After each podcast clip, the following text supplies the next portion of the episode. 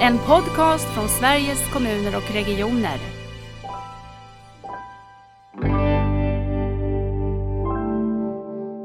Jag tycker verkligen att det är viktigt att vi gör olika för att, som du beskriver, för att få samma utfall så behöver vi göra olika. Men att vi tar det där för givet och utifrån kommer det någon då som säger så här, ja men ni tar bara och gör lite för lite av det här. Gör ni bara så här så kommer det bli bra. För man ser inte utan alla tittar med sitt lilla kikare in på vården och tycker det här är en felaktig positionering utifrån mitt perspektiv.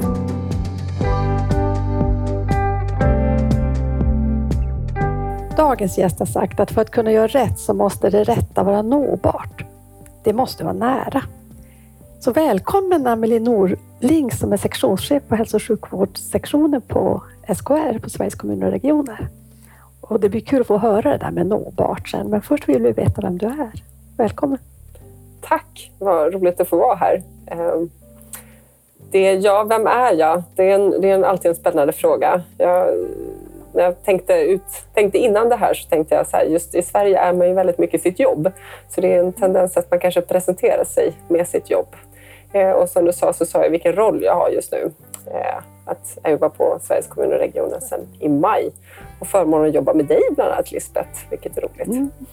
Detsamma. Ja. Och innan dess så kom jag från Region Stockholm där jag jobbat med kunskapsstyrningsfrågor i många år och innan dess verksamhet på Karolinska. Och så, annars brukar jag beskriva mig som en, en gynekolog i förskingringen i administration eftersom det var ett tag sedan jag jobbade kliniskt. Eh, även om hjärtat alltid kommer bulta för den kliniska delen kan man säga, eller snarare den kliniska vardagen och det mötet. Eh, ja, privat är ja. gift och har barn och sådana där saker har något litet uppdrag i någon fotbollsförening och så, har du inte det? Jo, ja precis. ja, precis. Min, min, när min äldste son började spela fotboll, då var jag den enda som kom till det föräldramötet med gympaskor och då blev jag utsedd till fotbollstränare. Eh, jag gjorde inte samma misstag med min yngste son. Eh, han däremellan behövde jag inte kliva in, men han den yngste, då, då blev jag lagledare istället. Så att jag, jag håller på med, med lite Men har du en fotbollskarriär bakom dig själv också? Jag har vunnit Sankt Erikscupen, vet du på, med final på Råsunda. Eh, wow! Mm. Och eh, Kajsa som gjorde målet, eh, hon, det var 1-0 vann vi med. Hon blev intervjuad av Artur Ringart. Och alla som är yngre än oss nu har ingen aning om vem det var, men det var en stjärna då. Lilla ja, Sportspegeln. Ja, men du, nu fick vi tag i någonting som inte, inte jag visste i alla fall. Nej. Du, jag tänkte när jag läste, eh, när Dagens Medicin presenterade sin maktlista så fanns det ett porträtt på dig. Mm. Och då sa du så här, jag vill gärna att eh, saker ska vara lösta igår. Mm. Hur kommer vi att märka det i vård-Sverige nu, att du är lite otålig? Ja, det, det, jag önskar att det skulle märkas på många sätt, eftersom jag är så otålig. Sen är det alltid en fråga om hur man kan påverka och, och få genomslag. Men eh, jag tänker att ibland så fastnar vi i långa utredningar eller långa tank tankar och jag tänker att ibland kanske man ska börja göra och utvärdera och utforska vidare. Att vissa saker som är eller sådana komplexa problem vet man inte alltid hur man ska ta sig dit utan då gäller det att börja lite och ha en, ett plan för angreppssätt. Um, och det där vet jag inte om jag har med mig från den kliniska vardagen kan man väl säga att just efter att ha jobbat inom ändå akutsjukvård, som man kan säga att förlossningsvård är mycket, så handlar det om att du, du kanske... Du måste bara ha en plan. Hur börjar jag jobba? Och så får man jobba sig vidare med det. Eh, och så inom... Jag tänker när, man, när jag jobbat, liksom, om man ska beskriva det som administrativt eller liksom på eh, mesonivå eller på regionnivå eller så, så kan det bli så att man ska tänka allting först och säga men det kommer inte alltid funka. Nu menar jag inte att vi inte, inte ska tänka, men ibland är det också att komma igång som är det viktigaste. Mm. Jag tycker att delar jag helt med i, i arbetet med nära vård, tycker jag har lärt mig det mer och mer. Alltså, vi kan inte sitta och tänka och vi kan också tänka och vara väldigt överens, men det är först när vi gör som vi ser om det funkar, men också tycker jag att få insikter om vad som behöver göras mer av och hur vi kan göra annorlunda. Det måste starta görandet. Mm. Eh, så det där är ju det är både utmanande, men det mm. kanske vi kan komma tillbaka till lite grann. Jag tänkte lite ledarskap och lite sådana tankar också. Mm. Men först är jag nyfiken på, eh, du har jobbat med kunskapsstyrningsfrågor när du var i, i Region Stockholm. Eh, och du har säkert mött det här. Hur hänger kunskapsstyrningen och nära vård ihop? Vad har du för tankar i det? Hur får vi ihop det? För det är stora på något sätt eh, system som ska jobba samtidigt. Ja, um, hur ska man beskriva att det hänger ihop? Jag tänker det hänger ihop på alla sätt och inga sätt. mest, mest på alla sätt. Jag tänker att kunskapsstyrningen, om man, utgångspunkten där handlar ju om att vi ska utgå ifrån, dels så ska vi göra eh, vi ska göra mer lika kan man väl säga. Vi ska jobba, det vill säga att vi ska få mer jämlik vård i det att alla ska bli erbjudna det bästa. Eh, och att också man ska veta vad det bästa är kan man säga och att man ska göra rätt från början. Det är ju en del av den utgångspunkten. Och där tänker jag att nära vård handlar ju, det är också ett sätt att göra rätt kan man väl säga. Men det tänker jag då, om man tänker sig att det ena ska vara vad man ska göra så kanske nära vård är mer hur man ska göra. Mm. Alltså om man tänker sig att det är mer eh, praktiskt, ja men hur samarbetar vi då? Hur gör vi det här? Hur uppnår vi det här?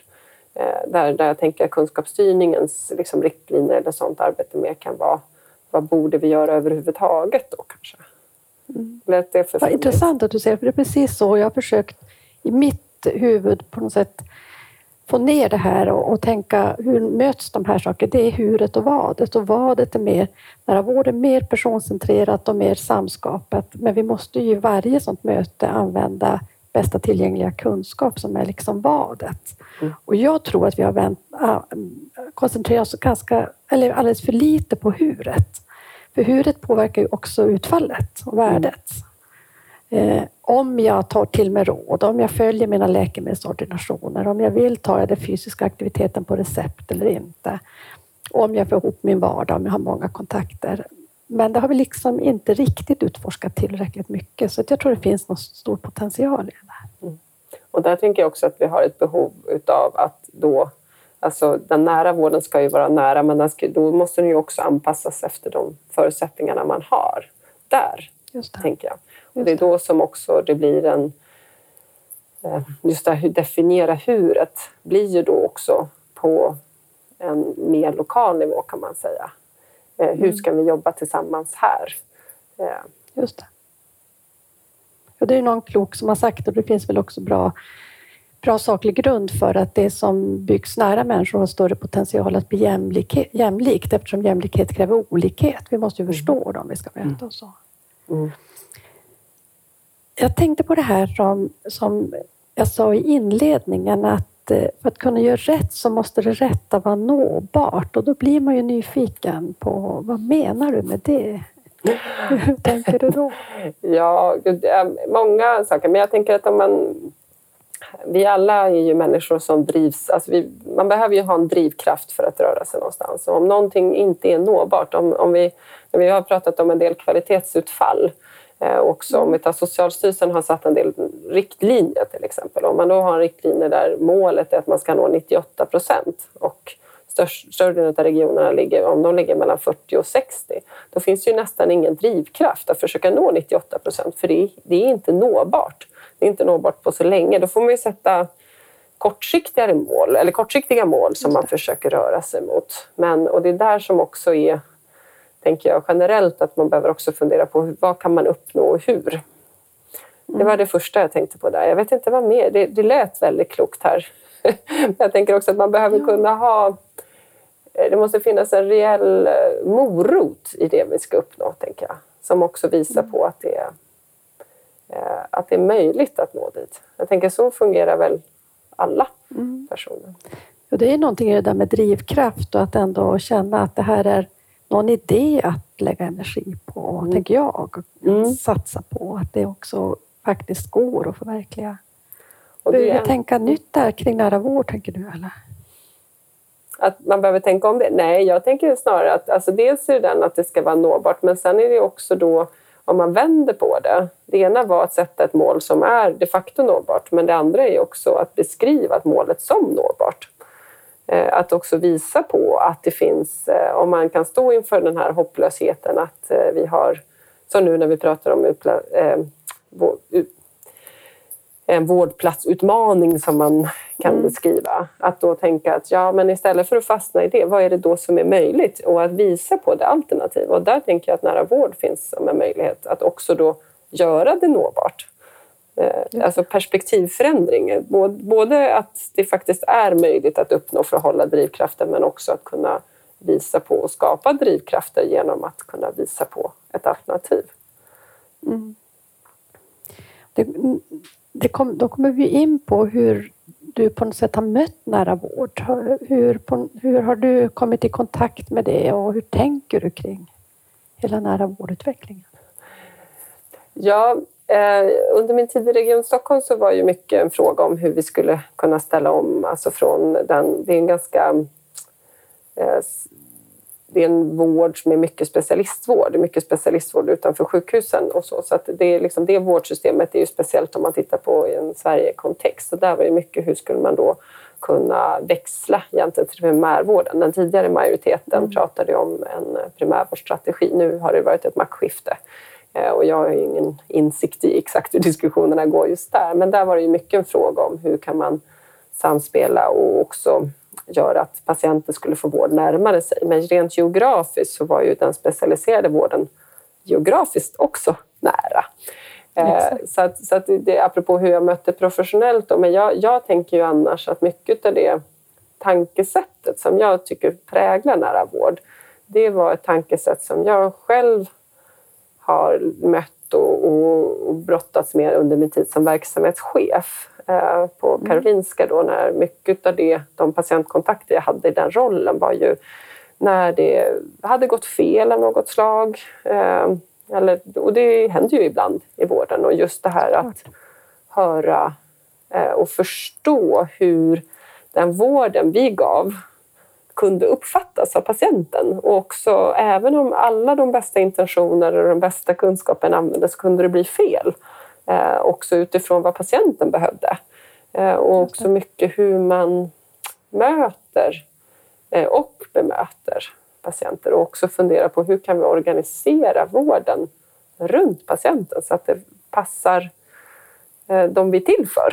Eh, och det var, en, det var en, jag kommer verkligen ihåg att efter några år så kände jag att jag ser lite annorlunda på det här än vad jag gjorde när jag började faktiskt utifrån mm. den här typen av samtal. Och, så. och det var inte alltid lätt att få helt gehör kan man väl säga eftersom jag tänker att det finns ingen som jobbar i vården som inte tänker att man utgår från patientens behov. Nej. Det är ju liksom ingår i själva utbildningen och det man vill göra. Men, men gör vi det på riktigt? Det är ju den stora frågan. Och jag, ibland mm. så var det sådana utmaningar. Hur, vad passar? Hur borde vi organisera oss och hur organiserar vi oss egentligen? Mm. Så jag skulle nästan säga att det var det som egentligen har fått mig att tänka på liksom vikten av att fokusera och tänka utifrån patientbehovet. Och nu var ju det en specialiserad kontext. Det var ju till och med en högspecialiserad kontext. Ja, men jag tänker det är samma utgångspunkt i hur vi ska organisera hela sjukvårdssystemet. Tänker jag. Ja. Nu är vi tillbaka till det där att, att tänka eller göra. För att tänker att det allra svåraste man har att förändra, det är när man ska förändra någonting som man tror sig redan göra. Mm.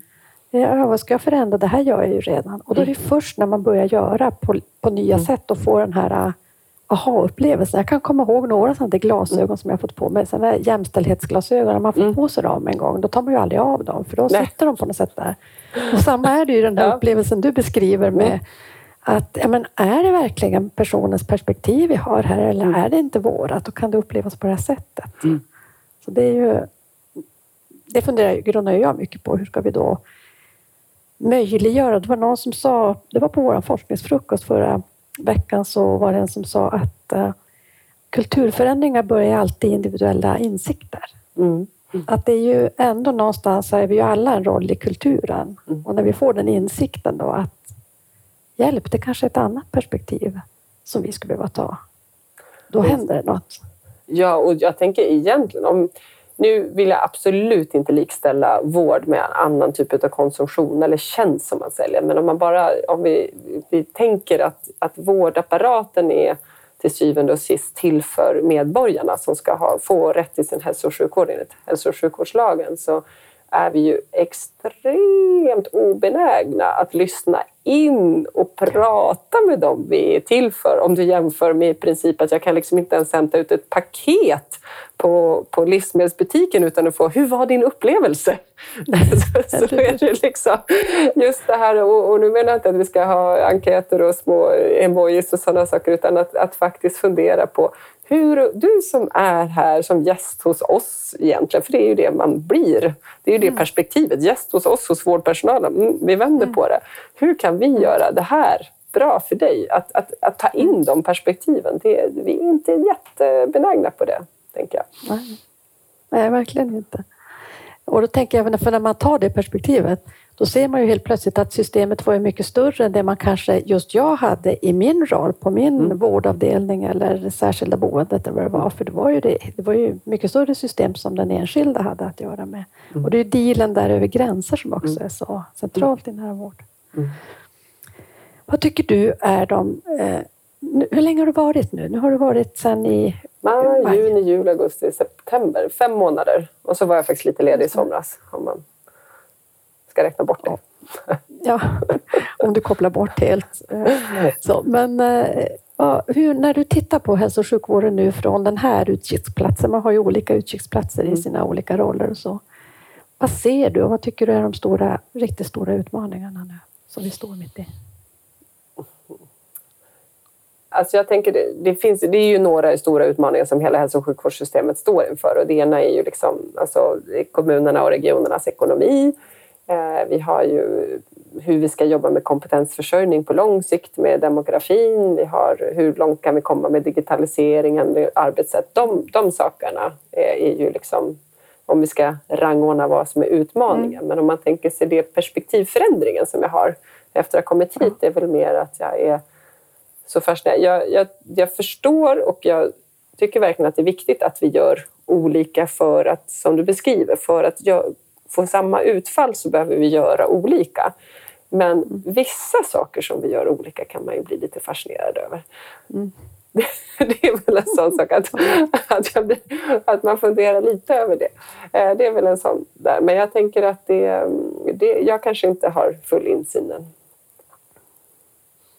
Nej, men jag, så tänker jag också från min utkiksplats att eh, det, det, vad heter det eh, borgar ju inte, eller gör ju inte det, eh, vad ska jag kalla det, nu hittar jag inte ordet, man kommer ju inte undan och säga att vi inte ska lära av varann för att säga att ja, men vi ska alla göra olika, utan det är klart att det finns områden där vi måste göra, mm. lära mycket mer av varann och göra mycket mer lika. Mm. Eh. och det jag, jag tänker, tänker på, på där, förlåt. Ja, nej kör. Nej, men jag tänkte, och det var väl mer utifrån ett patientperspektiv som jag tänker det, att, att saker som du säger väl säkert någonting som vi kanske egentligen borde klippa bort då, men om man tar en sån sak som egenavgifter och sådana saker. Ja. Att, att det, det, är inte mycket kronor som skiljer, men det skiljer ändå kronor. Mm. Och, och där är en sån där fråga, är det, är det, är, ska det vara så? Alltså är det, nu tänker jag att ja, som sagt, det här får, får ni fundera på i efterhand. Men, men jag tänker ur patientperspektiv så, så är, kan det ibland vara svårt att förstå varför vissa saker då som är, sådana saker som man tänker ska vara lika är olika. Det är väl mm. mer det perspektivet som mm. Så tänker jag, tillgång och kanske också kostnader för, för vissa delar av hälso och sjukvården, att det skiljer väldigt mycket i ett litet land. Mm. Det måste man ju fundera på. Mm. Eh, och sen en annan sak, hur vi behöver kanske jobba med olika lösningar för att geografi och demografi ser olika ut. Det är en mm. annan fråga. Mm. Eh, så, ja, du var inne på det här med, med vårdplatsdiskussionen, för jag tycker det pågår ju också parallella samtal hela tiden. Eh, det pågår samtalen om fler vårdplatser, det pågår samtalen om hur vi ska ställa om till mer nära vården och, och eh, på SKR har vi ju ändå rollen att stödja våra medlemmar i denna på sätt djungel av, av eh, uppdrag eller förväntningar. Mm. Hur tänker du att eh, det där hänger ihop, vårdplatser och nära vård? Ja, alltså det, Socialstyrelsen kom ju med en rapport nu under året. Jag tror att den kom precis innan sommaren väl angående eh, där de hade beskrivit hur många vårdplatser varje region skulle ha. Och det som fascinerade mig med den var ju att det fanns ju egentligen ingen som helst koppling mellan antal invånare eller storlek eller antal sjukhus eller någonting och, och antal vårdplatser som behövdes. Utan eh, det jag funderade på lite var ju så här, ja men ska man nästan se den kartläggningen som de har gjort som istället en beskrivning av hur långt man har kommit med omställningen till nära vård. Eh, det vill säga att de regioner som hade lägre vårdplatsbehov var ju de som kanske hade gjort fler aktiviteter just för att fundera på och liksom jobba med omställningen. Eh, mm. Och, eh, så det var mer ett tankeexperiment från min sida. För att jag, just vårdplatser, det, det, är en infra... Ja, det är absolut inte bara en säng. Det är inte det jag menar. Vi behöver ju ha personal som vårdar patienten i sängen. Men det är fortfarande en typ av infrastruktur som är beroende av arbetssätt. Eh, och också medicinska framsteg om man jämför med hur länge man ligger inne för en hjärtinfarkt idag mot tidigare. Eh, en sån sak som äggledarinflammation var ju på 70-talet en minst två veckors inliggande fråga mm. och i dagsläget någonting som de flesta inte får eller kan behandlas helt och hållet själva eh, med, med tabletter hemma. Så det är mycket som har förändrats och det är därför jag tycker att det är så synd att fastna en diskussion om vårdplatser. Det viktigaste är ju att när du behöver en säng så finns den där och att personalen runt omkring dig är kompetent att hjälpa dig. För det är en väldigt mm. stor skillnad på en sjuksköterska som är expert på kirurgiska åkommor eller någon som är expert på kardiologi eller annat. Det är inte så att en mm. vårdplats är utbytbar heller utan vi måste ju se till kompetensen runt patienten och teamet. Ja, verkligen. För där är också, tänker det, jag brukar tänka att det är två utvecklingslinjer i svensk hälso och sjukvård. Det ena handlar ju om mer centralisering och den högspecialiserade vårdens roll för jämlikhet och, och den andra är det som behöver byggas nära. Mm. Och det är klart att då det behöver finnas eh, god kompetens på båda de här plattformarna. Det är ju inte så att den ena utesluter den andra, utan men det är lite olika typer av, av kunskap och kompetens man behöver ha. Ja, och där kan man ju hamna många diskussioner, och långa diskussioner angående vilken kritisk massa du behöver ha för basen. Mm. Eh, ja, precis. Så att det... I, på vår sektion då på eh, SKR så är ju också ansvaret för den kommunala hälso och sjukvården en, en viktig del och den har ju också blivit så central och viktig i hela omställningen till nära vård. Eh, har du några tankar kring, kring det och hur vi behöver på något sätt få ihop systemet?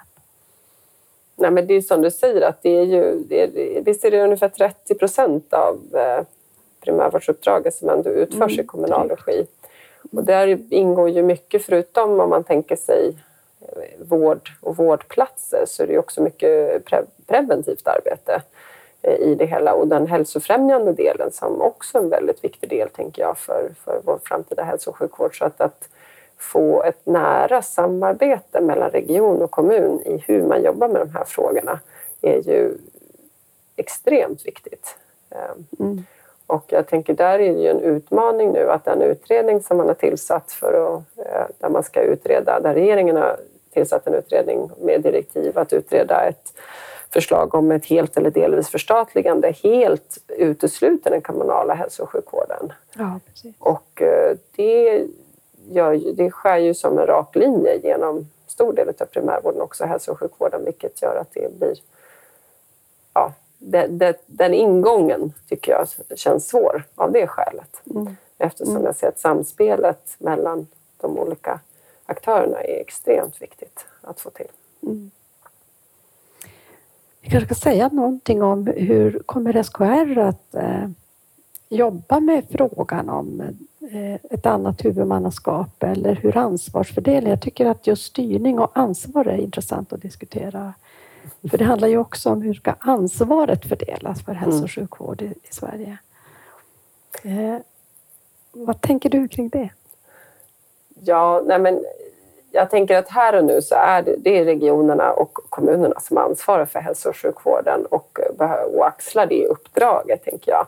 Eh, den här utredningen har ju fokus 100 procent på organisation och jag tänker att om vi mm. ska ha ett, en utgångspunkt utifrån vad som är bäst för patienterna, vad är bäst för Sverige, vad är mest effektivt så tänker jag att eh, det är inte säkert att det bara är att fundera på organisation. Just som vi säger, just det här samspelet mellan alla de aktörer som behövs.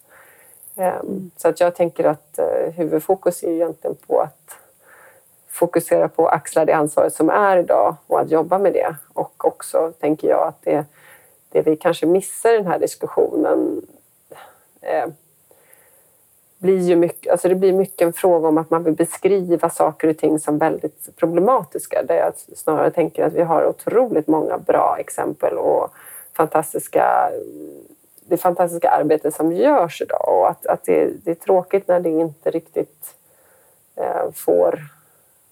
Eh, att det inte hörs tillräckligt väl, tänker jag. Mm. Eh, just att um, jag vet ju liksom vilket arbete som görs varje dag i mötet med patienterna runt om i hela Sverige. Eh, antingen om det är kommunal regi eller regional eh, där. Och mm. att just att ha fokus på det och fokus på den utvecklingen. För att det är lätt också att bli paralyserad angående en sån här fråga. Att någon, åh, det där ska lösa allt. Jag har, jag har så svårt ja, att se att organisation löser frågan om hur, vi ska räcka, hur färre personer ska räcka till fler. Eh, hur organisation ska lösa de bitarna kring våra läkemedelskostnader.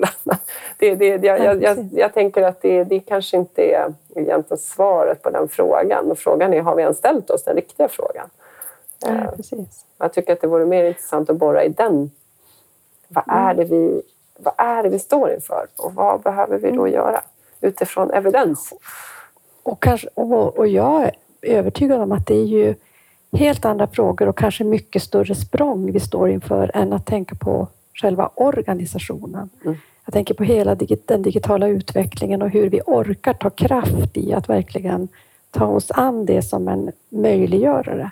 Mm. Jag tänker också på det du tar upp om att eh, vården beskrivs bara ur i de svarta färgerna på något sätt.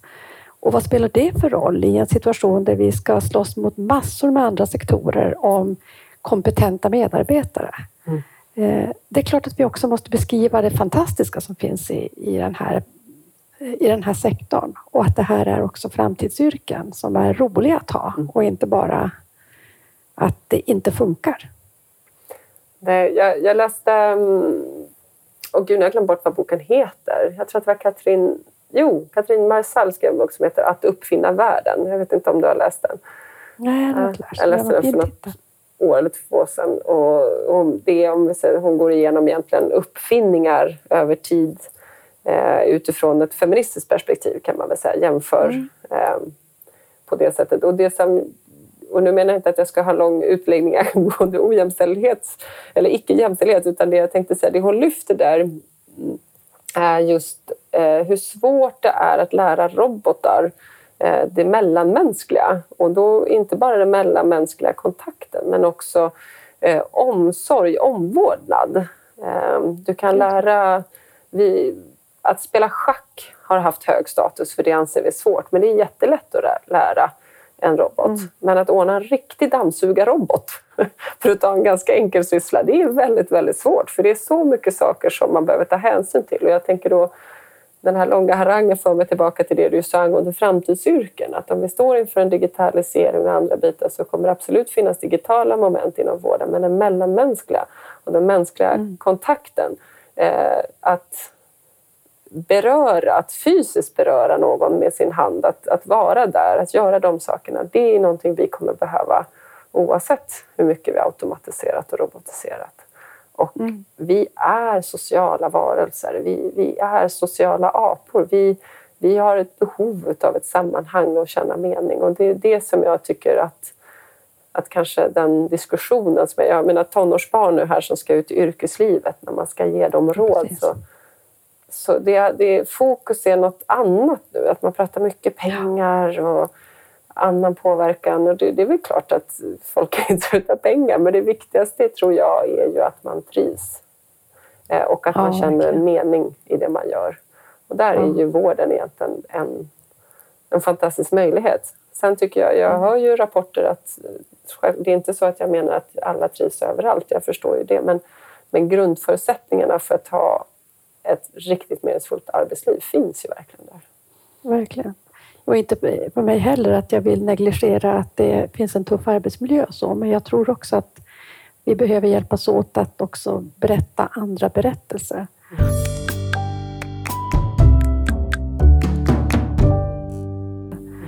Jag tänker på det du sa, jag, eh, en rapport som eh, Myndigheten för vård och omsorgsanalys gjorde för ett antal år sedan, den fyra, fem år sedan, som intervjuade verksamhetschefer om deras uppdrag i hälso och sjukvård. Och så intervjuade de också eh, motsvarande chefer, företagsledare, och som sa att jag kan inte, vi kan inte förstå hur ni inte kan använda det här värdeskapandet som hela er bransch handlar om, när ni pratar om den.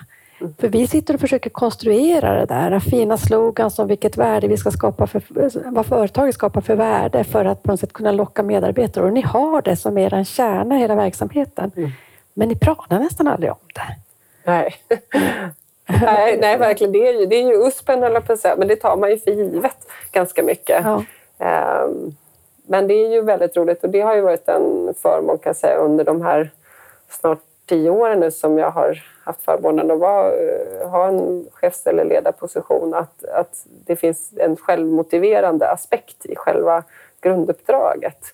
Mm. Det är ju väldigt roligt för det innebär att man kan direkt prata om vad det är man ska åstadkomma och inte mm. behöva motivera att börja med det där. Varför, varför finns vi till som företag? Nej, just det. det... Kan vi hitta någonting bra att säga här? Ja. Eh, men jag tänkte föra oss in på ledarskap. Eh, vi kan prata lite om ditt, din personliga syn på ledarskap och sen ska jag tycka vara nyfiken på hur du ser på vårdens ledarskap framåt, vad som behövs. Men vad, vad är dina egna erfarenheter av ledarskap? Varför är det roligt och vad tycker du är viktigt?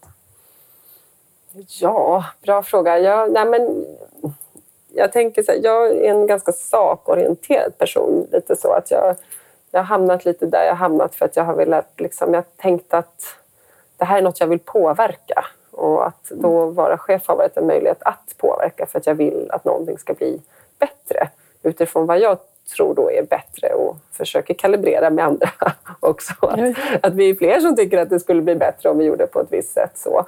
Eh, sen är det ju väldigt... Jag tycker, jag, jag, som person, apropå att vi är sociala varelser, så trivs jag väldigt mycket med att vara med andra människor. Jag tycker om att prata, jag tycker om att resonera, att sitta och få, nu låter det jätteflummigt, men filosofera. Nej, men att, att kunna komma fram till hur ska vi angripa det här svåra? Hur, vad är mm. nästa steg? Hur ska vi göra?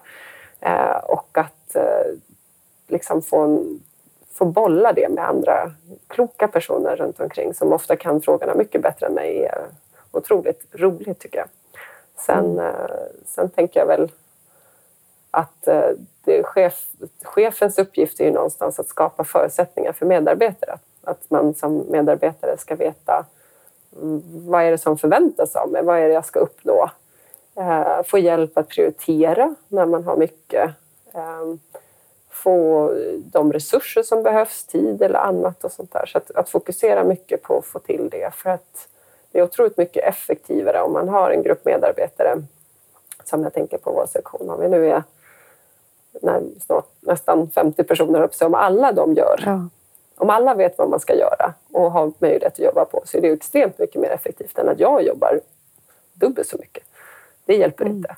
Utan mm. tiden man måste lägga är ju på att säkerställa att alla medarbetare vet vad de ska göra. Eh, mm. Och det är lätt att fastna bakom sitt skrivbord och säga jag måste göra det här eller sådär. Men, och jag skulle inte säga att jag, jag, det här är hur jag tänker. Sen är frågan hur det blir. men, men det, det, får, det får andra avgöra. Men jag, jag, tycker ändå att det är, det är det viktigaste och att man själv inte ska, man ska inte använda sig själv som instrument på det sättet, tänker jag, utan att mm. mer facilitera, tänker jag. Just det. Mm. Och så intressant att du sa det där med spänningen att få vara med andra och, och resonera och, och, vara i sådana typer av samtal. För i, i nära vård har vi en programgrupp och vi brukar ha lite externa inspiratörer. Så I morse har vi haft Alexander Lövgren som också kommer vara med i podden här framåt som pratar om AI och kollektiv intelligens. Och han sa att vi måste skapa mycket mer av utrymme för de intelligenta samtalen utan att nu värdera intelligens, men alltså att tillåta oss i komplexa förändringar att faktiskt vara i det och försöka förstå för att också komma till görandet vill jag ju säga, så vi inte bara hamnar i att tänka då. Men att det finns någonting i det där som är stimulerande och roligt och som kanske arbetsplatsen måste bjuda på mer. Ja, och jag tänker nu, det ordet som jag verkligen reagerar på där du beskrev, just det här det komplexa. Och det är ju mm. någonting som jag tror att vi, apropå att jag ska inte på något sätt säga att jag jobbar i vården, men, men jag jobbar med frågor som rör vården. Och kan man säga, om man då beskriver liksom det som händer, eller så den vården, det nästan lite cirkelresonemang här, men vården och organisationen av vården är extremt komplex. Och alla de faktorer som påverkar är komplext. Och det är någonting som vi inte heller tänker på lika mycket. Apropå det här du sa att eh, vi, inte tar, vi pratar inte om hur viktigt det vi gör är, för det tar vi för givet. Så tar vi också för givet det faktum att vi jobbar under i en verksamhet, eller snarare då att vården som verksamhet har så många styrsignaler, så många eh, faktorer att ta hänsyn till.